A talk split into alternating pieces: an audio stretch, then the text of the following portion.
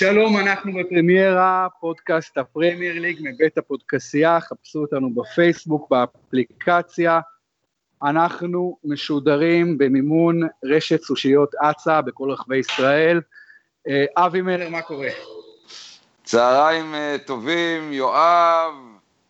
אה, הלילה, הבוקר שאחרי הלילה שלפני, אני, אני עדיין תחת ההשפעה של ההופעה של ליברפול, אני חייב לומר לך. זה לא ליגה אנגלית, זה, ליג, זה, זה, זה פלייאוף ליגת האלופות, אבל uh, המפגש, המשחק של ליברפול נגד הופנהיים היה אחד הטובים שאני זוכר, שבכלל אפשר לראות במוקדמות של uh, טורניר כלשהו, והתרומה של ליברפול הייתה מסיבית, אבל גם התרומה של הופנהיים המצוינת לקרנבל והפסטיבל הזה הייתה משמעותית. מילר, אנחנו יכולים לקחת את זה כסוג של אינדיקציה כשאנחנו רואים קבוצה שסיימה רביעית באנגליה נגד קבוצה שסיימה רביעית בבונדסליגה והקבוצה האנגלית מנצחת אותה פעמיים בחוץ ואחר כך בבית. אפשר uh, לגזור מזה שהפרמייר ליג ברמה גבוהה יותר מהבונדסליגה? לא חושב שיש על זה ויכוח בכלל, כי בפרמייר ליג יש הרבה יותר קבוצות טובות ממה שיש בבונדסליגה. בבונדסליגה זה ביין מינכן ועוד 19, אה, או עוד 8, עוד 17, ובפרמייר ליג זה באמת אה, הרבה יותר אה, מתאזן היכולות. אבל אני חושב שמה-180 דקות האלה, מה שאפשר לקחת זה את הפוטנציאל של ליברפול בלי קוטיניו. אני לא יודע מה ברצלונה כל כך רוצה מפיליפ קוטיניו, מי שראה אתמול את ליברפול ואת uh, סדיו מנה, הסנגלי, יודע שהוא עולה עשרות מונים על uh, קוטיניו ועולה עשרות מונים על כל שחקן אחר, אני חושב, חוץ מקריסטיאנו רונלדו, uh, נאמר, מסי ולואיס סוארז. אם אני במקום ברצלונה, אני משנה כיוון. קודם כל, באמת לגבי גרמניה, בשנים האחרונות, גם אנחנו שומעים לא מעט אנשים שאומרים מסוים שגם אפילו קבוצה ברמה של ברוסיה דורטמונד לא קיימת בפרמייר ליג, בוודאי לא קבוצה ברמה של ביאן מינכן, אבל ראינו לפני שנה-שנתיים את אה, ליברפול באירופה ליג אה, מדיחה את ברוסיה דורטמונט אה, של טוחל, ועכשיו באמת אנחנו לא רואים את העומק האיכותי של הפרמייר ליג, לא רואים אותו כמובן בבונדסליגה, וזה באמת יפה שליברפול מצליחה לנצח בית מחוץ. בואו נתמקד קצת בליברפול, אבי, ציינת את מנה הנפלא, את פירמינו, את סאלח שהתחיל את העונה וכובש, וקוטיניו דובר באמת על 100, 110 מיליון פאונד, אתה חושב שהמחיר הזה עדיין יהיה על השולחן? איפה אתה רואה את אה, קוטיניו מתגלגל? מה, מה יקרה איתו? הם הציעו כבר 130 מיליון פאונד, וגם את זה ליברפול דחתה. ליברפול עושה הכל אה, בשבעה ימים שנותרו עד תום אה, מועד ההעברות, לשכנע את קוטיניו כמה הוא חשוב לה וכמה כדאי לו להישאר. אני משער שקוטיניו גם פצוע, הוא לא כשיר לחלוטין, לכן יש לו זמן לחשוב. אני משער שאלה הניסיונות האחרונים של ליברפול אה, לומר לברזילאי, אתה, אנחנו רוצים אותך, ואחרי שהוא ראה שליברפול העפילה לשלב הבתים, זה הייתה אחת המטרות הגדולות שלה, הייתה להעפיל לשלב הבתים כדי לעזור בשכנוע שלו להישאר אצלה. ויכול להיות שהניצחון אתמול ישמש קרש קפיצה לקוטיניו אה, להישאר, ויכול להיות שביכולת הזאת ליברפול אה, תסחוף את היבשת גם. אה, אבל אם אה, קוטיניו בעיקר חושב על תהילה ועל כסף, והוא חמדן, אני לא מכיר את האופי שלו, אז שום דבר לא יעזור. אבל ליברפול עושה עדיין את כל המעשים הנכונים כדי שהוא יישאר אצלה. וגם בלעדיו ראינו שהיא מסוגלת להיות נהדרת. נכון, כמו שאמרת בשבוע שעבר ובשבועות האחרונים, יש לה בעיות בעורף, היא לא אה, הצליחה למלא את החסר מבחינת הגנה, אבל ליברפול של אתמול אמרה לכל היריבות שלה באירופה בפרמייר ליג, בפרמייר ליג, שימו לב, we are coming. אין ספק שהכישרון ההתקפי של ליברפול בולט. בנוגע לקוטיניו, אם אני מנהל את ליברפול, אני כן מוכר אותו ב-130 מיליון פאונד, בהחלט. בטח שחקן שלא רוצה להישאר אצלי בקבוצה, מציעים עליו כזה סכום, אני אני אה, מוכר אותו. עכשיו לגבי הישארות שלו, כמו שאמרת, אולי אם מעפילים לצ'מפיונס זה יעזור, אפשר גם אה, את השכר של קוטיניו, אמרת על תהילה וכסף, אז לגבי תהילה באמת אולי קצת קשה להתווכח, אבל כסף אפשר לתת לו שכר מאוד דומה, מאוד מאוד דומה לשכר שהוא הרוויח בברסה, השאלה באמת מה ליברפול כאן משדרת, ושוב השאלה לגבי העורף, כיוון ששוב ספגו אתמול צמד, בואו לא נשכח, בשבת הם לא הרשימו נגד קריסטל פלאס, 1-0 בבית, בקושי.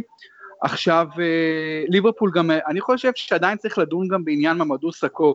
אני יודע שלא דנים בו, וקלופ כביכול שם עליו איקס אחד גדול, אבל מדובר בבלם מוכשר מאוד, שגם נתן חצי עונה נהדרת בקריסטל פאלאס, שנה שעברה, וליברפול נשארה עם אותם קשיים בעורף, היא עדיין סוג של מסננת.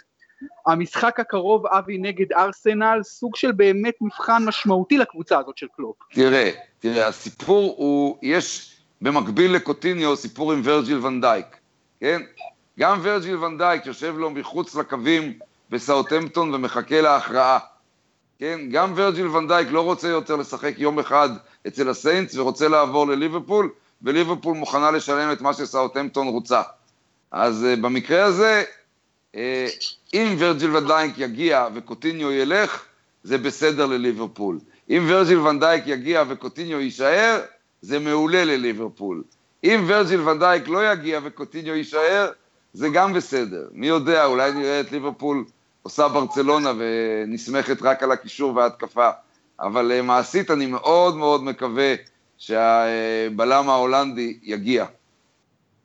נכון, באמת מה שליברפול עושה, מה שברצלונה עושה אה, לליברפול עם קוטיניו, ליברפול עושה את אותו דבר בדיוק לסיינס עם ונדייק, רק נקווה כמו שדיברנו שבוע שעבר שעד העונה הבאה באמת כבר יפסיקו עם הפארסה הזאת, הפתטית הזאת של אה, לאפשר העברות אחרי שהעונה מתחילה.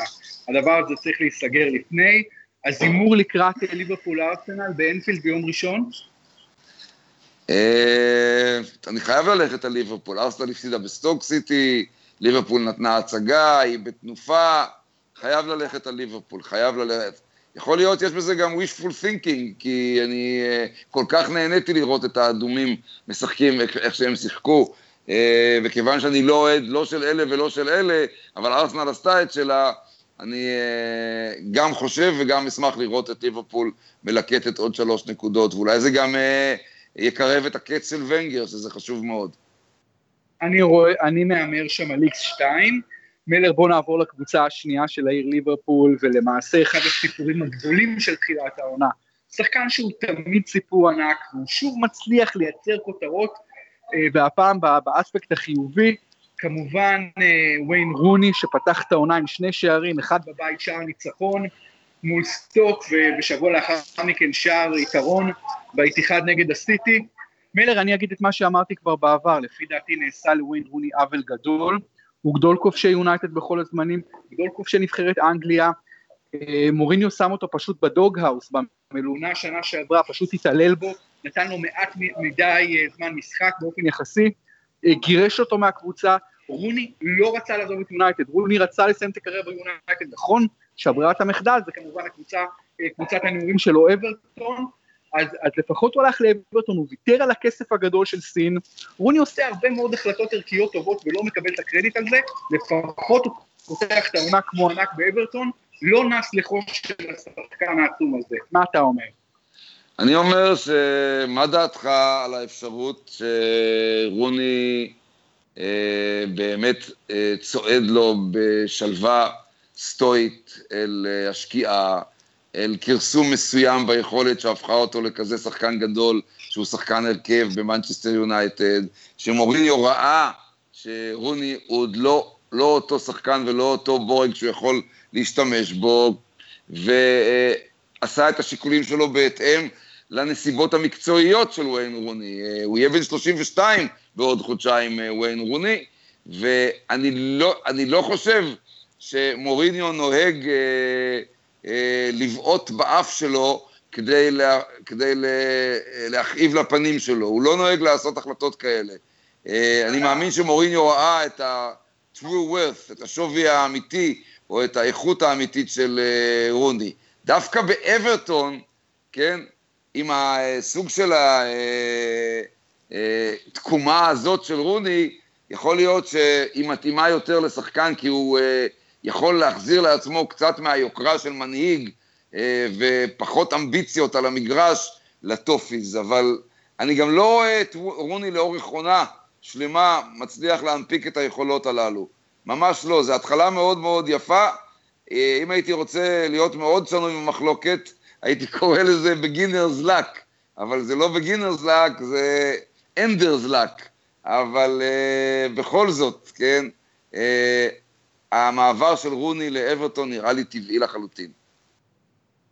אוקיי, רק לסיים את עניין אה, רוני ומנצ'סטר יונייטד, אני חושב שחשוב לזכור ששנה שעברה יונייטד הייתה קבוצה מאכזבת מאוד, זה לא יונייטד של פתיחת העונה הזו עם שתי רביעיות, ואני חושב שביונייטד של שנה שעברה, כאשר כל כך הרבה שחקנים לא היו טובים, למעשה למעט איבראימוביץ' בחוד, אה, רוני היה צריך לקבל יותר קרדיט ולקבל יחס יותר הגון, אבל זה אבל, כבר אבל, באמת... אבל גם אתה, גם אתה על המסך, כשראית אותו בשנתיים האחרונות, הבחנת בדעיכה שלו, לא?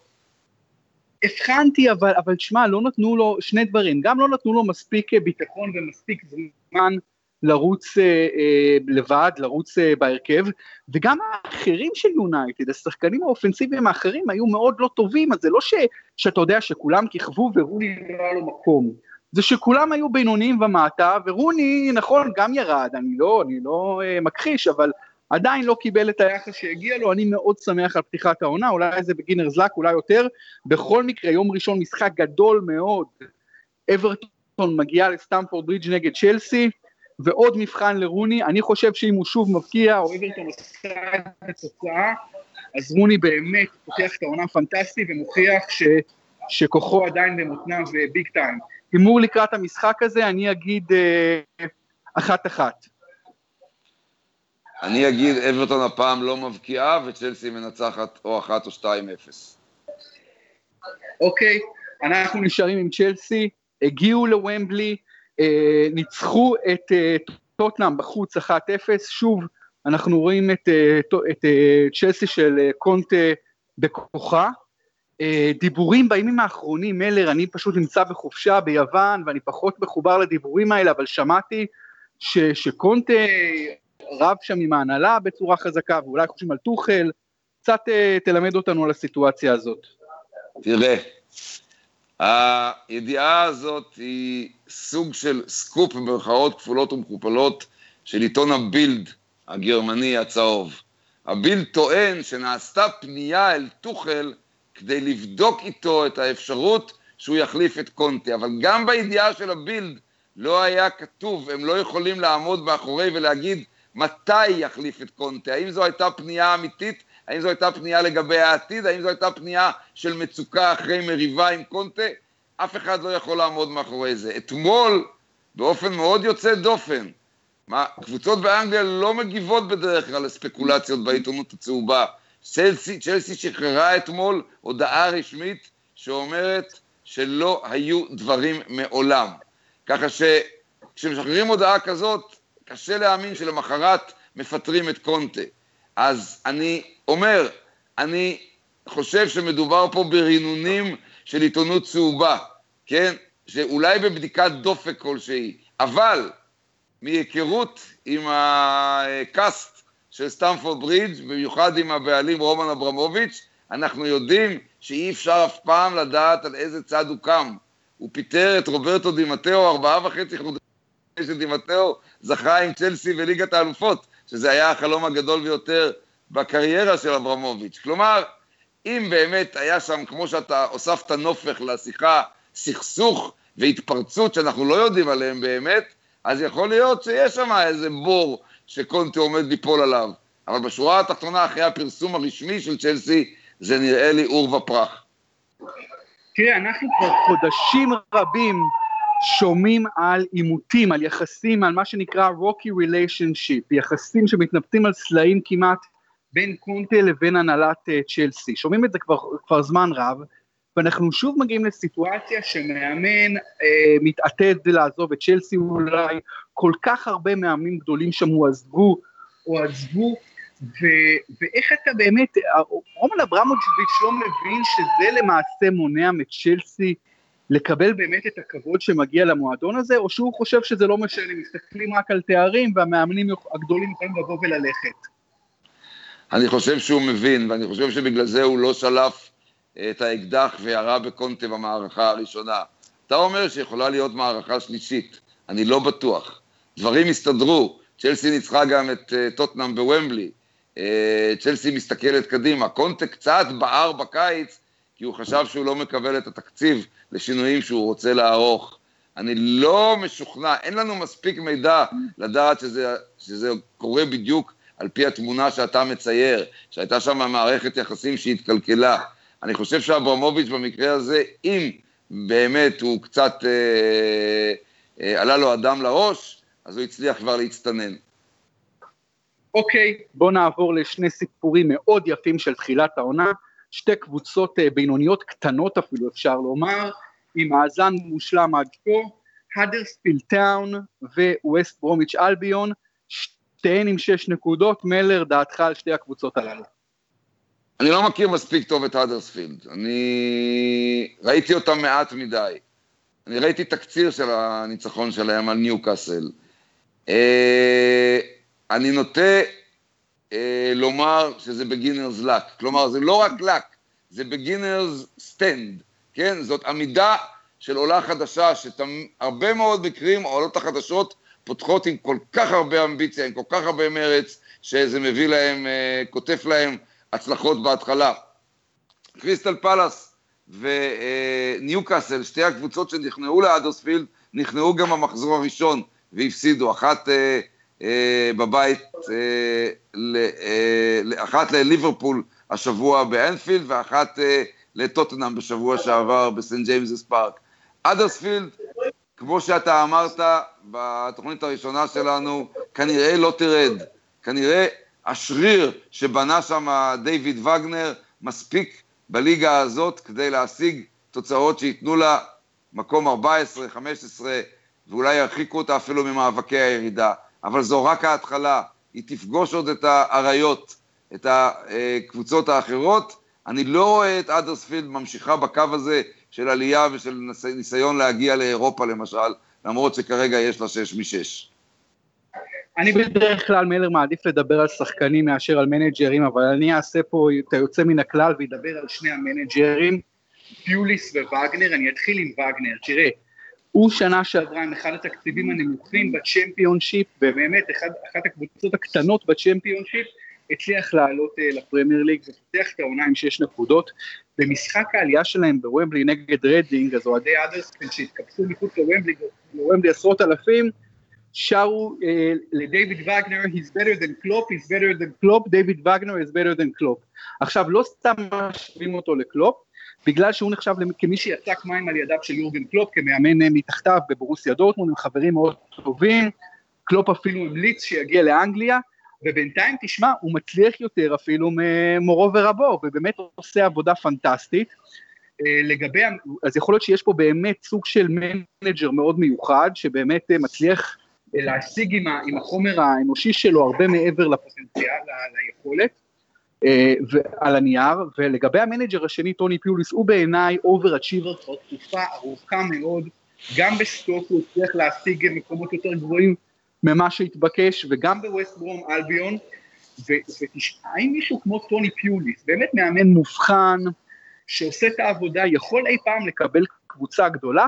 לא היה מגיע לו, נגיד, אתה יודע, מדברים על ארסנל, למשל, אתה יודע, ונגר צריך ללכת, צריך ללכת, צריך ללכת, אז אולי תביאו פעם אחת מאמן over-achiever, מישהו שבאמת יש לו קבלות של over-achiever, כמו פיוליס, זה יהיה מעניין, או, או כל קבוצה אחרת. איך אתה רואה את הסיטואציה של המאמנים האלה, של וגנר ופיוליס, והעתיד שלהם? א', אני חושב שפיוליס לא יקבל את המושכות של קבוצה גדולה, כי הוא אישיות בעייתית. יש לו איזה סוג של אה, גאווה ושחצנות אה, לא בריטית. ויש לו mm. גם כמה קטעים, אני, אם אני לא זוכר בדיוק, אבל אה, בשנה שעברה באיזשהו שלב הוא נאלץ לשלם אה, איזה... אותה מיליון pound פיצוי לקריסטל פאלאס, נכון, היה שם איזה רמייה, מעשה רמייה מסוים. אה. בדיוק, בדיוק. ולכן יש סימני שאלה מעל האישיות שלו ומעל ההתקדמות שלו. אני גם חושב שווסט ברומיץ' תיאבק נגד הירידה. אז יש לה עכשיו שש נקודות, היא פגשה את אה, אה, בורנמוס בבית ואת ברנלי בחוץ, זה קבוצות שבאותה קלחת כל הזמן וכל תוצאה אפשרית שם. ווסט בורמיץ' אלביון, אם, אם אתה מסתכל על הסגל שלה עכשיו, אתה רואה שהקבוצה הזאת אה, לא נועדה לשום גדולה שהיא, להפך, אה, היא תצטרך להילחם על החיים שלה. הסגל לא אבל שנה שעברה גמרו אה, מרכז טבלה, כמעט כל שנה הקבוצות של טוני פיוליס, גם בפאלאס הוא אצלך בתקופה הקצרה, כמעט כל שנה הקבוצות שלו מסיימות יותר גבוה ממה שצפו להן, ועוד משהו שמראה שהוא מנג'ר מוצלח בעיניי, זה שהקבוצות שלו תמיד מעולות במצבים נייחים, כלומר כובשות המון גולים במצבים נייחים, מגינות טוב נגד מצבים נייחים, ו- וזאביק זלצר פעם אמר לי, אתה מודד באמת עבודה של מאמן, על איך הקבוצות שלו מתפקדות במצבים נייחים, כי שם יש מקום מאוד מאוד מאוד גדול לאימון והכנה. שם זה אחד המקומות שהמאמנים הכי נמדדים בהם. ופיוליס נכון, בקטע אבל... זה outstanding. נכון, אימון והכנה בעיקר במניעת בעיטות חופשיות, כי בבעיטת בעיטות חופשיות... וגם בביצוע התקפי. בביצוע התקפי של בעיטות חופשיות, עם כל הכבוד למאמן, אתה יודע ששום דבר לא יעזור אם השחקן אינו כישרוני מספיק, כן? קשה מאוד ללמד, אפילו את איציק זוהר, קשה מאוד ללמד לבעוט בעיטה חופשית, כן? אה, אנחנו נדבר אבל גם על קרנות, על הרמות מהצד כן. בבעיטה חופשית, על כן. בעיטה מ-20 מטר לחיבור. המצבים נייחים שאתה מדבר עליהם יהיו אולי החבל הצלה של ווסט ברומיג' אלביון, אבל אה, אה, אני רואה אותה מסיימת מתחת להדרספילד בטבלה. מתחת להדרספילד בטבלה, מאוד יכול להיות. אה, עוד סוגיה, אה, אתה רואה בעידן הכסף הגדול. אה, רציתי להגיד לך משהו, רק רגע, רק רגע. רציתי להכניס פה משהו אישי, כן? כן. שאתה, שאתה תגיב לי עליו, כי אני, כי אני, אני מנוע, גילוי נאות. אבל הקבוצה המפתיעה ביותר, לטעמי, פרט להדרספילד, ב-180 דקות הראשונות באנגליה, זה ווטפורד. אני לא יודע אם נכון. ראית אותה משחקת בבורנמוס, אבל ראית אותה משחקת נגד ליברפול. מה עושה המרקו סילבה הזה לקבוצה שלי, תגיד? תשמע, מרקו סילבה כבר אה, נוצר לו שם עוד לפני ימיו בוואטפורד, כמאמן צעיר מאוד מוצלח, מאוד הרפתקן במובן החיובי, קבוצות תוססות, התקפיות, הוא עשה שינוי גדול מאוד בהל בעונה שעברה מהיר, אמנם הקבוצה לא נשארה ליגה בגלל הפסד ביתי איום ונורא בסוף לסנדרלנד שירדה, אבל אה, אין ספק שמדובר, הוא כבר זכה באליפות ביוון, הוא מאמן בן 40 אם אני לא טועה, אז אני חושב שפה ווטפורד עשו בהחלט החלטה נכונה. אתה מבין, אתה מבין שהוא עשה מהפכה בוויקריג' רוד? שני השחקנים שהובילו אותנו לליגה והשאירו אותנו בליגה כבר לא בתוכניות שלו בכלל. יגאלו הלך לשחק בסין או בקטר, אודיון יגאלו, וטרוי דיני אה, נעלם לחלוטין. לפני כן גם מתי וידרה עזב. ווטפורד קבוצה חדשה לחלוטין. היא עשתה שינויים בהרכב יותר מאשר מילאן. והיד שלו עכשיו בולטת בסגל החדש הזה, ואותי מאוד מאוד מעניין אם ווטפורד הזאת באמת באמת יכולה להישאר בחצי העליון של הטבלה, אולי אפילו לקרוא תיגר על אירופה. היא כל כך מסקרנת, אני מנסה להישאר אובייקטיבי ולא ליהנות כל כך מהקבוצה שאני אוהד, אבל היא כל כך כל כך מסקרנת אחרי שתי הופעות מצוינות שכאלה עם חמישה שערים בשני המחזורים הראשונים.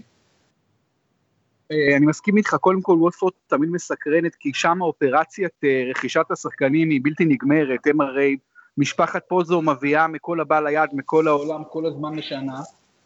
אה, אז קודם כל בשבת הם משחקים נגד ברייטון בבית, ווטפורד פייבוריטית, אם היא תפתח את העונה עם שבע נקודות מתוך תשע, בהחלט יפה מאוד ואולי סימן לבאות. שתי הקבוצות האחרות שדיברנו עליהן, ווסט ברום עם מאזן מושלם מארחת את סטוק סיטי, והאדרספילד תשחק אה, נגד סאות'המפטון, אה, גם משחק מאוד מעניין בהאדרספילד. אה, אוקיי, בוא ניתן תחזיות למשחקים האלה. קודם כל וולפורד ברייטון. אחת. אני הולך פעם אחת, האוהד הולך עם הקבוצה שלו. אחת אני גם, כן. ווסט ברומסטוק. שתיים. וואי, מגרה, מפתה לשים שם שתיים, אבל אני אלך על אחת. נלך עם פיוליס. למרות שכל תוצאה אפשרית, זה ממש משולש המשחק הזה. האדרספילד אה, סאות'המפטון, עוד משחק מרתק. שש נקודות נגד ארבע נקודות. אחת. אחת אתה הולך. וואו, האדרספילד בבית. אני הולך על שתיים. סאות'המפטון. אוקיי. בסדר, עוד משחקים שיש לנו, משחק אה, אה, בורנמוס, ביום שבת משחק מוקדם, בורנמוס עם אפס נקודות, אדי האו בתקופה פחות טובה, עוד מאמן מלך שמדברים עליו גדולות ונצורות כבר הרבה מאוד זמן, התקפים, מאוד מאוד, אה, מאוד מאוד מעמיק. בצדק, מאוד, בצדק. אה... היוליאן נגלסמן של הליגה האנגלית. כן, הוא מארח, אבל הבעיה היא שיש לו אפס נקודות משש והוא מארח את סיטי. אז מה אנחנו אומרים שם?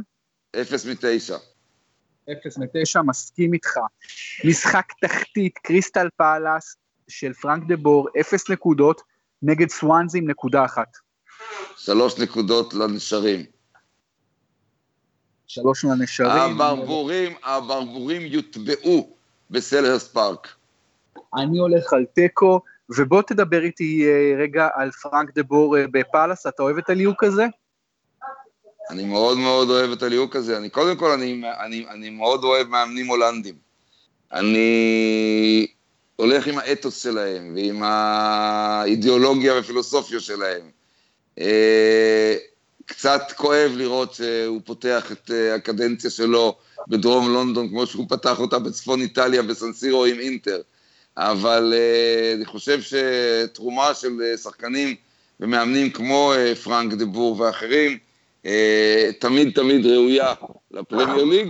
אני מחזיק לקריסטל פלאס אצבעות שהיא לא תרד, ולו בגלל פרנק דה בור, ולו בגלל שהיא קבוצה לונדונית, ואני כל כך אוהב את האופציה להגיע ללונדון ולראות uh, קבוצות לונדוניות, קריסטל פלאס, היא גם אחת מאותן קבוצות שהישראלים לא נוהרים אליה בכמויות, כי רחוק מאוד לנסוע שעה לדרום לונדון, שם אפשר להשיג בדרך כלל כרטיסים למשחקים.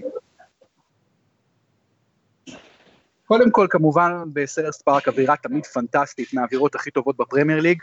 אם אני סטיב פאריש, הבוס של אה, קריסטל פאלאס, אני לא בטוח שאני מביא את פרנק דה בור, כי אני רואה את פרנק דה בור באייאקס, אמנם זכה בהרבה אליפויות, אבל לא הצליח במשך תקופה די ארוכה מלר לקדם את אייאקס למקום שהיא ראויה לו באירופה. לא הצליח כמעט להעפיל איתה לצ'מפיונס, אם בכלל, צריך לבדוק את זה, אבל בטח לא עשו שום דבר אה, משמעותי, והוא מאמן שלא אימן בפרמייר אין לו שום היכרות באנגליה, וגם בוא נסתכל בעבר, מאמנים הולנדים שעשו עבודה גדולה באנגליה, האם היה מישהו כזה, אולי מרטין יול, תקופה קצרה בטוטנאם, אבל פה למה לא לקדם... אתה יודע, אתה יודע ש... אותו לפאלאס למשל. או את סטיב דייטש או את שון דייטש מברנלי. למה לא לקחת מאמנים אנגלים צעירים יחסית מוצלחים שמכירים את המטריה, מכירים את השחקנים, מכירים את השפה, את התרבות, את הפרמיירלי, במקום להביא את פרנק דה בור. אתה יודע שקל מאוד לעשות לך ווזארי על הטענה הזאת שהוא לא האמין קודם באנגליה, כי יש לנו את אנטוניו קונטה השנה, זה בסדר. אבל, אבל אה, כן, הדברים שלך הם אה, דברים אה, לגיטימיים ו, ונכוחים, לא. אבל אתה יודע, קריסטל פלאס היא גם קבוצה מוגבלת, כן? היא קבוצה מוגבלת בכוח אדם שיכול לעשות, נגיד, במקרה הטוב, מקום 7-8. לא מצפים לפרנק, מפרנק דה בור ליותר כנראה, אני מקווה שהוא עדיין יתאושש וישתמש, יש שם כמה כישרונות עדיין אה, נפלאים. ביניהם לואיס זהה, ביניהם לואיס זהה, שעדיין לא אה, החלים מהפציעה שלו, וכריסטיאן בנטקה, ו... ו... ו... ועוד נראה כדורגל הולנדי גם מקריסטל פאלאס, אני בטוח. כן, יש לנו שם את טאונסנד, אה, את ווילפריד זהה, את בנטקה, אה, את ג'ייסון פאנצ'ן, יש שם שחקנים נחמדים. אבל אני באמת חושב ש, שפאלאס יכולים, יש שם כישרון ויכולים לעשות יותר. עוד משחק, עוד משחק תחתית מאלר ניוקאסל ווסטהאם, שתי הקבוצות עם אפס נקודות, ובכלל, מה קורה עם ביליץ'? Uh, בסוף ביליץ' יהיה המאמן הראשון שיפוטר. Uh, בקצב הזה. תקווה גדולה פונגוזה. רפה בניטס בניוקאסל לא יפוטר. כן? אה, הוא נשאר במועדון בליגת המשנה והעלה את המגפייס חזרה לפרמייר ליג, והוא יקבל את האשראי למרות שבהנהלה של אה, ניוקאסל זה חתיכת אה, אנדרלמוסיה מוחלטת שם בקומת ההנהלה שלה.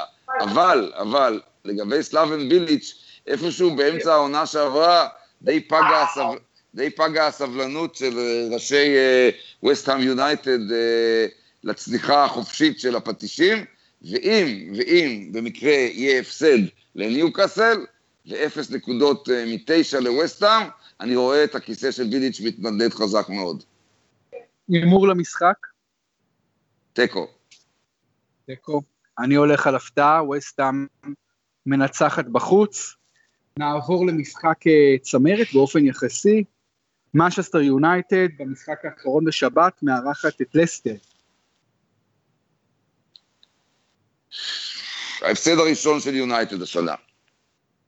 וואו. זה אולטראפורד, וואו. לא ממש, בטח לא ממש יקרה, אבל בוא נאמר ככה, עדיין לא המבחן הכביר והגדול והעצום, אבל המבחן הגדול ביותר של יונייטד בינתיים. וסטאם הייתה יריבה בינונית, סוונזי הייתה יריבה קלה, לסטר תהיה יריבה טובה. לא מעולה, אבל יריבה טובה. ראינו את לסטר בארסטר מפסידה 4-3, ראינו את לסטר עושה קציצות מברייטון 2-0, לסטר סיטי של גרייג שייקספיר מפתיעה מאוד מאוד לטובה. היא חוזרת להציג את השריר ואת הביטחון שהולך יחד עם היכולת הנהדרת של השועלים שלמעשה הביאה אותם לעונת הקסם. עדיין לא ברמה של עונת הקסם, אבל ברמה של קבוצה שהיא בשקט גמור יכולה להיאבק על מקום באירופה. זה יהיה מרתק המשחק הזה, גם הסגנונות ההתקפיים של שתי הקבוצות, לא אתפלא אם עוד פעם נקבל איזה 4-3, לא יודע לטובת מי. אגב, אגב, כל הדברים שאני אומר בסוף אה, אה, הת, הת, התבררו כשטויות מוחלטות, כי בשנה שעברה גם ציפיתי מלסטר לתת פייט לא נורמלי, והיא חטפה רביעייה ללא מענה. לא, אבל הדברים שאתה אומר על עידן שייקספיר מאוד נכונים, ועל תחילת העונה שייקספיר גם בעונה שעברה, וגם בינתיים השנה שני משחקים מרשימים, בהחלט עושה עבודה מרשימה בלסטר, שלפי דעתי... ומצליח. להחזיק את מחרז, איך הוא מצליח להחזיק את ריאד מחרז? אולי עד שבת הוא כבר לא יהיה שם, מי יודע. בהחלט שאלה משמעותית, אני חושב גם שה... אה, של החלוץ הניגרי, החיזוק של החלוץ הניגרי מסיטי של איהנאצ'ו, מאוד מאוד משמעותי ב-25 מיליון פאונד, לפי דעתי זו גניבה. אה, עדיין, לא, עדיין לא שיחק ממש קלצ'י, נכון, כן? נכון, נכון, אבל לפי דעתי הוא באיזשהו שלב יתחיל לתת אה, קבלות. נכון. לפי דעתי יונייטד פייבוריטית אה, ליום שבת. אה, רומלו לוקאקו פתח את העונה מצוין, כבר שלושה שערים. האם הוא השחקן עם הסיכוי הגבוה ביותר לסיים כשחקן, כנציג יונייטד בקרב שחקן העונה, בעונה הקרובה? או אתה רואה מישהו אחר מיונייטד שיכול לקרוא עליו תגר, ב, אתה יודע, במשבצת הזו? אה, זה ברור שהכיוון שאתה שואף אליו הוא הכיוון הנכון, אבל אני, אני אוהב אישית את מרקוס רשפורד. אני חושב שאם רשפורד יקבל את ההרכב הפותח של יונייטד, הוא יהיה השחקן הכי משמעותי שלה בעונה הזאת. אה, יתפתח למשהו אה, כביר. אבל מעשית, רומלו אה, לוקאקו יכול, אם הוא יהיה מלך השערים של הליגה, הוא גם יכול להיות שחקן העונה. מלר, יש לך קבוצה עכשיו, אין לך אף חלוץ בקבוצה, ואתה יכול לעשר שנים הבאות לבחור את רשפורד או את לוקאקו, את מי אתה לוקח? את רשפורד. אם אני בבריטניה, אם אני גר באנגליה. כן, כן, כן. בגיל, בגיל הנתון. אם אני גר, בגיל... אם אני גר, אם אני גר באירופה, את, את לוקאקו. אם אני גר באנגליה, אם זה לליגה האנגלית, כן, לקבוצה האנגלית, את רשפורד. אבל לוקאקו הוכיח אה, עליונות אה, איכותית בליגה האנגלית כבר כמה שנים טובות. נכון, אבל הוא עדיין לא מתאים לגמרי לכל המשימות שיש בכדורגל האנגלי, הוא מתאים בהחלט, אבל לרשפורד יש איכויות להפוך לשחקן גדול כמו ויין רוני, אולי יותר ממנו, גם לשחקן טכני, גם לשחקן יצירתי וגם לשחקן סקורר. יש לו את זה כרגע, יש לו את זה ב-DNA. אני רואה אותו כמישהו שיכול לתפקד גם בכנפיים וגם אה, במרכז בתור מספר תשע אם צריך, וגם מאחורי מספר תשע. אני מאוהב במרקוס רשפורד. אין שום סיבה שלא. סופר מגוון, בה, ביכולות שלו הטקטיות כשחקן, אם זה באגף, אם זה באמצע, אם זה תשע, אם זה לצד, או אם זה second striker, ואין כאתלט, גם יש לו אתלטיות מפעימה, הצמד הזה, רשפורד ולוקאקו, זה צמד שיהיה מאוד מאוד משמעותי בפני הפרמייר ליג בשנים הקרובות, וזה שנוסף להם בחוד, גם מרשיאל הצרפתי הכל כך מוכשר, זה באמת אה, too much כמעט מבחינת יונייטד, לכן גם אגב אחת הסיבות ששמתי אותם פייבוריטית לאליפות, והם פתחו באמת עם שמונה שערים, אז אה, דיברנו על יונייטד לסטר, בואו נעבור למשחקי יום א', דיברנו צ'לסי אברטון, ליברפול ארסנל, ווסט ברום סטוק, למשל המשחק האחרון, טוטנאם ברנלי בוומבלי. אולי, אני, אולי אה, ניסיון ראשון של טוטנאם לקחת שלוש נקודות בוומבלי. אם זה, לא עכשיו עם איתי. ניסיון שיצליח. ניסיון יצליח, אה, צריך, צריך לומר, טוטנאם שיחקה מצוין נגד צ'לסי, בשתיים, בהפסד 2-1, גם צ'לסי שיחקה מצוין, זה היה משחק נזיל מאוד מאוד, שיכול היה ללכת לכל צד, והלך בסוף אה, לצ'לסי עם הברקה גדולה, אבל טוטנאם שיחקה כדורגל סוחף ואם לא הייתה ניצבת מולה צ'לסי באותו יום, הכדורגל הזה היה מביא לה 5-0 נגד יריבה כמו ברנלי למשל. אולי היא לא תשחק כל כך טוב נגד ברנלי, היא עדיין תמצא את הדרך לקטוף את הניצחון. אני מקווה מאוד, אבל זה לא, לא בטוח שזה יהיה קל, כי ברנלי קבוצה קשוחה וקבוצה שיודעת to overachieve, ואני בכלל חושב ששון דייטש הוא מנג'ר מצוין. מנג'ר שמצליח פעמיים אה, להעלות קבוצה מהצ'מפיונשיפ לפרמייר ליג, הוא מנג'ר סופר מוצלח, ועדיין מוזר שמנג'רים אנגלים צעירים שעושים עבודה טובה לא מקבלים מספיק הזדמנויות אה, להתקדם. אה, כלומר, יש איזושהי הטיה קטנה, אני חושב אפילו נגדם, פרמייר ליג. תענוג לדבר איתך שוב. שבוע הבא, אנחנו לפני שישה ימים, נעשה סיכום אנגלי ונסתכל קדימה לכיוון מונדיאלי. בפירוש נעשה גם את זה. אז מלר, תודה רבה, ותודה לכם ששוב הייתם איתנו בפרמיירה, פודקאסט, פודקאסט באפליקציה, ואנחנו משודרים בחסות אצה, רשת מסעדות סושי זול ומהיר ברחבי ישראל. תודה שהייתם איתנו ותהיו איתנו גם שבוע הבא.